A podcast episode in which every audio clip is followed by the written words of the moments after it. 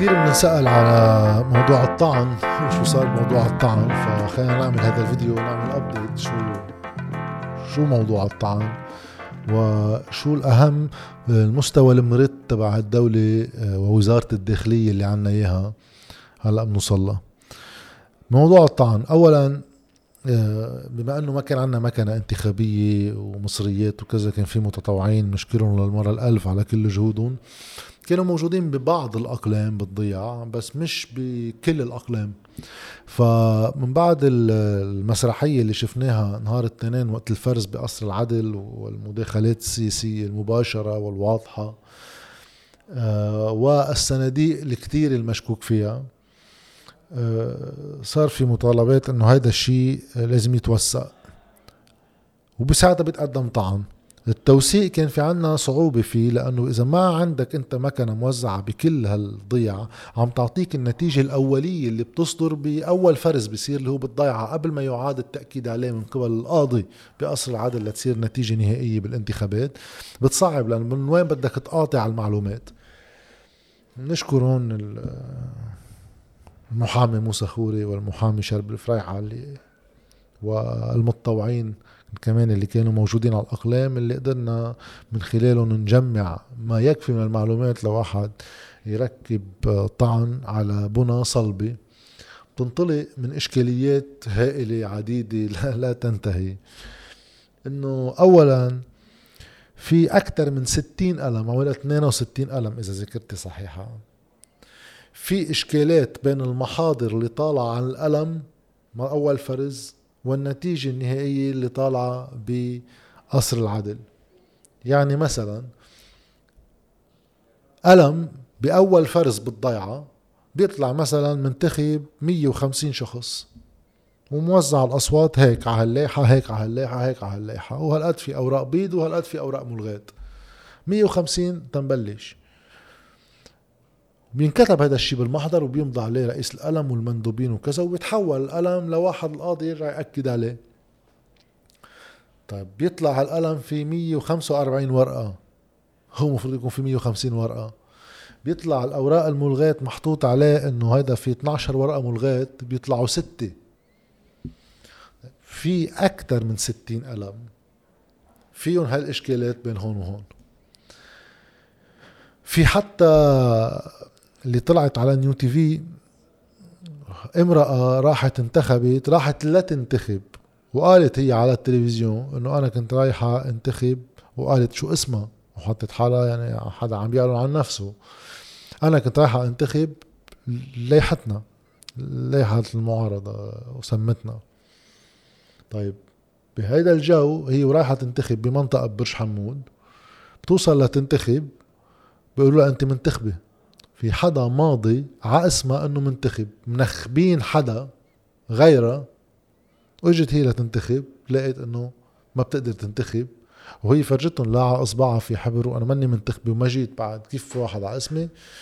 وحطت هالقضية على نيو تي في وسمت حالها وسمت التفاصيل ثلاثة آه، في رشوة غير الحديث إنه صرف مصاري في رشوة موثقة معترف بها من مرتكبها اللي قبض عليه نهار الانتخابات عم يرشي باسم أحد المرشحين. الياس حنكش طلعت على الإعلام. وبيعترف هو مين اللي دفع له المصريات هداك توارع عن الأنظار. من منطقة جديدة. وإذ هالمنطقة الانتخابية واحد بياخد هي المنطقة وبياخد محيطها المباشر لياخد تقريبا هالناخبين هول إذا قراب على بعض. هيدا الشيء إكزرسيس واحد هو بيعمله. تيشوف إذا وكيف كيف أثرت هالأمور لأن هون صارت الرشاوى هون قبض عليه هيدا عم يرشي.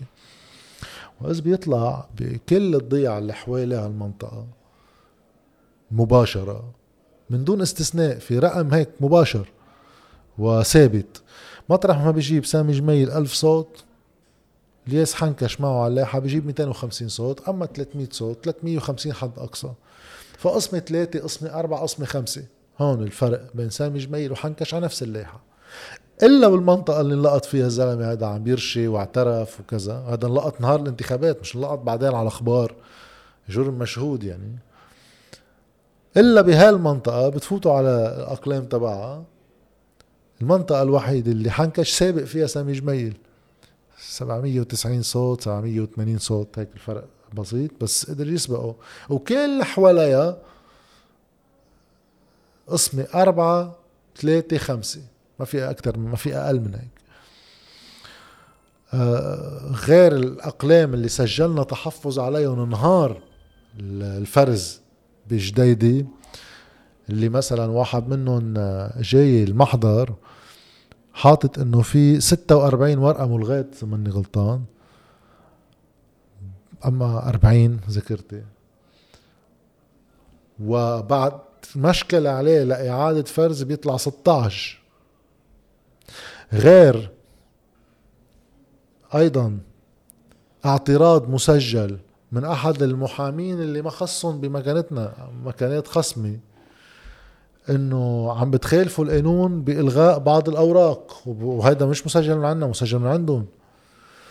إنه انتو آه وهذا الشيء كمان مثبت من بعد ما طلب إعادة فرز أحد الأقلام ونزلوا الأوراق الملغاة سبع أوراق. يعني كانوا إذا ماني غلطان آه 24 ورقة صاروا 17 بس بعد إعادة الفرز وصار يطالب بإعادة فرز كل الأقلام في قضاة كانوا عم بيتمنعوا عن إعادة الفرز. كيف كانوا عم بيقطعوا؟ وعم يجوا يقولوا هيدا الصندوق بيجي هو بظرف في بقلبه يعني لو يعني الظروف الانتخابية بقلب ظرف أكبر. بيجي هيدا معه محضر. بيجي القاضي بأيد نتيجة المحضر وبيعتبرها نتيجة نهائية. ما بدقق فيه علما إنه القانون شو بيقول؟ نتيجة الفرز اللي بصير بالضيعة نتيجة الألم. هيدا نتيجة أولية لا تصبح نهائية إلا بعد التأكد وتأكيد القائد عليها. القائد القاضي. فأنت عندك واجب كقاضي ترجع تدقق بهالنتائج صحيحة ولا مش صحيحة؟ كان في قضاة تنقل نتيجة من دون ما تدقق فيها. أحد المحامين أيضا اللي هو مع مكنة خصمة بيروح بيشتكي على هذا الأمر لرئيسة آه، لجنة القيد العليا اللي هي أيضا قاضية بتكون هي مرجعية. وبتوافق معه بتقول ما بيجوز بتبعت القاضية المعنية اللي هي كانت عم تتمنع وبتخبرها إنه أنت مجبورة ترجعي تتأكدي من النتائج. ما فيك تأيديهم وتعتبريهم النتيجة النهائية ليش هوليك كانوا عم يعملوا هيك بحسب ما قالوا؟ هن للمندوبين بوقتها. هذا الشيء سمعناه ما كنت هونيك. إنه إذا ما بنعمل هيك بنبقى لآخر الدين بنبقى ل... لتاني نهار وأنا مش مجبور وهذا هذا كله اللي صاير بوقت الانتخابات. وكل ما يعاد فرز قلم ببين الفروقات. صار في ناس عم تقطعه. طيب جينا نحن عم نحضر الطعن. هيدا على فكرة مضمون الطعن بصورة موجزة بعد في قصص تانية خاصة بالسوفت وير المستخدم لإدخال المعلومات إعلان نهائيه لأنه مش مؤكد لبل مؤكد إنه مش موجود في إمكانية عدم تغيير النتائج من قبل طرف ثالث تفاصيل هولي. جينا قلنا بحسب قانون الوصول للمعلومات وبما إنه أنا والمرشحين نحن معنيين بالمعركة. وبما إنه هول اللي عم نطلبهم هن معلومات علنية مش سرية عم نطالب تنقدر نحضر الطعن وزارة الداخلية تسلمنا المحاضر ونقدر نشوف الأوراق الملغاة. بترفض وزارة الداخلية تسلمنا إياهم. بتقول هيدا الشيء ما في أعمله بالقانون. يا ريت بيجاوبوا هن ما بيقولوا شيء. هاي الدكانة اللي مش مش هي الوزارة دكانة بشخص وزيرة بتصير دكانة هذا بسام المولى وهلأ بنجي بنحكي عنه كلمتين رحنا قدمنا شكوى عند مجلس الشورى الدولي إنه هيدي معلومات لازم نستحصل عليها. الزموا وزارة الداخلية تعطينا المعلومات تتأخر شوي مجلس الشورى الدولي ولكن بيطلع قرار يلزم فيها وزارة الداخلية تسلمنا المعلومات اللي طلبناها. قرار مجلس شورى الدولة. هذا قرار قضائي. هلأ المشكلة إنه طلع القرار قبل بثلاث أيام ما يسكر مهل تقديم الطعون فكنا إذا بنستحصل على المعلومات بنقدر بعد ندعم الطعن اللي سوليد بما فيه الكفاية كما هو بعد معلومات أكثر. الواحد يقدر من دون مكنة انتخابية يشوف إنه في ستين قلم فيهم مشاكل بين المحاضر والنتيجة الرسمية. فرق بنرجع بذكركم 88 صوت. ف هون صار معنا حكم قضائي لإلزام وزارة الداخلية. قلنا لو قطعت المهلة بنقدم الطعن كما هو وبنرجع بعدين بنجيب المعلومات كاملة بعد أكثر بتقوم وزارة الداخلية بتقول إنه مش مجلس الشورى صاحب الصفة يلزمني بتسليمكم المعلومات يعني عم تتمنع. برد مجلس الشورى بيقول بلا أنا صاحب الصفة وبلزم وزارة الداخلية تسلم المعلومات نشكرهم على الموقف اللي يعني جدي من مجلس الشورى الدولي. شو بتقوم تعمل وزارة الداخلية؟ بعدنا لليوم ما بيسلموا شيء ها؟ بتقوم بتقول إنه أوكي أنتم عم تلزمونا وأنتم الجهة المعنية بالإلزام ولكن نحن آه، مش عنا هول الاوراق لنسلمكم إياهم مش نحن الجهة المكلفة بدكم تطلبوهم من غيرنا. ليش قال لأن محطوطين هول بالمصرف المركزي؟ هي هو يحفظوا بالمصرف المركزي. بس أنت الجهة المسؤولة عن الانتخابات ككل وأنت الجهة اللي أصلا بكرة وقت تخلص مهلة آه، مجلس دستوري إنه يطلع رد على الطعون اللي هي مهلة ثلاثة اشهر تضاف إلى شهر بحد أقصى. أنتوا اخر شيء بتتلفوا هالأوراق وقت تخلص كل العملية الانتخابية مع انتهاء مهلة الطاعون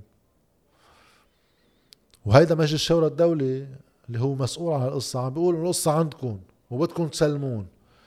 طيب من سخرية القدر وزارة على رأسها هلأ وزير بسام المولوي قاضي هذا مفروض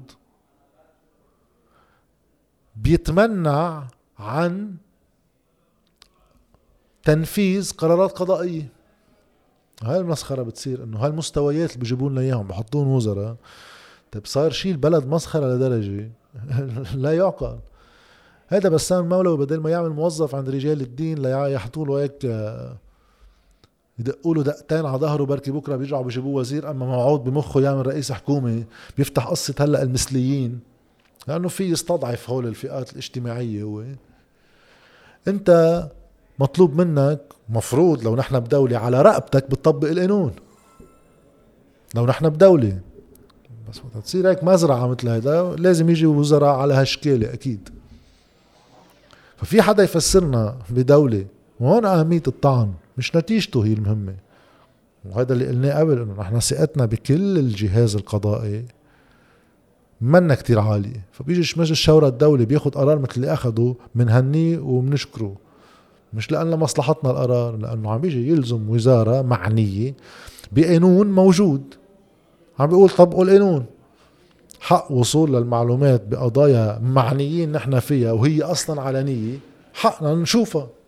طيب يحيوا عليها. وإذا بكرة الطعن بدنا نشوف الجواب تبع المجلس الدستوري يمكن يرفض الطعن ويقنعنا برفضه. ويمكن يرفض الطعن وما يقنعنا برفضه بصير له حديث لإله. هو عم بحطوا المؤسسات قدام مسؤوليتها. وواحد منهم على أساس أنه هيدي وزارة الداخلية. مفروض تطبق قانون مفروض تطبق قرار قضائي أصلا لأن هاي دولة اسمها مفروض وخصوصا لأنه الوزير هو قاضي. بس الوزير وقت بيجي تليفونات ببطل قاضي ببطل وزير بصير خصمتجي عند اللي بيجي التليفون منه. وإلا بيروح بيطبق القرار القضائي عجبه ولا ما عجبه. وهيدا الدليل الإضافة بعد غير اللي شفناه نهار التنين المهزلة اللي صارت نهار التنين بإعادة الفرز كلها سوا. بالتدخلات السياسية اللي عابرة للوائح ها لوائح ضدنا مفروض يكونوا اثنيناتهم بس لأنه بمجرد ما لو جبنا الحاصل بده يسقط هاجوب بكرادونيان ورازي الحاج سوا. ما بصيروا اللوائح المتضاربة مصالحهم مشتركة. هذا اللي بيأكد مرة تانية المداخلات السياسية اللي حكينا عنها واللي رح تمنع هذا الطعن إنه ياخذ مساره إذا القضاة بدهم يبقوا موظفين عند السياسيين. لأنه إذا ما في سياسة بالقصة خالص وما حدا عم يتدخل وهالانتخابات حرة ونزيهة وهي نتيجتها كما هي. شو يعني بتتمنع وزارة الداخلية منه تطبق قرار قضائي إنه تفرجينا المحاضر تبع الأقلام؟ شو هي؟ شو نتائجها؟ تنقاطعها مع النتائج النهائية. وفرجونا هالأوراق الملغات نحن ما عنا كان مندوبين نقدر نشوفهم بوقتها بس هيدي معلومات صارت معلنة بإعلان نتيجة الانتخابات. وقدمنا طعن المجلس الدستوري أكد عليها. فرجيني إياها إلي. ليش لا؟ بقى هيدا الفيديو هيدا الابديت للمحل اللي وصلنا له. وبنرجع كل ما يصير معهم خبرية سلبية بده ينشر عرضهم عليها يعني. ما فيش كبير قدام مفروض مفروض. ما فيش كبير قدام القانون. والنظام العام بالبلد فإذا قضاء بيطلع قرار ولا لا. وإذا إيجابية رح نكون أول واحد بهنيهم على قرارهم اللي بياخدوه. أكان مجلس دستوري برفض الطعن أم قبوله حسب شو في جاي بقلبه بنفوت بنقراه ونجاوب. أما الوزير نفسه اللي بتصور يعني إذا هو كرمال تيبيع على شوية رجال دين مستعد يعني صعب يطلع عنا مديح له يعني. بس القصة مش على قصة مديح ولا مزمة القصة إنه مفروض على رقبته يروح يطبق القانون. لنشوف.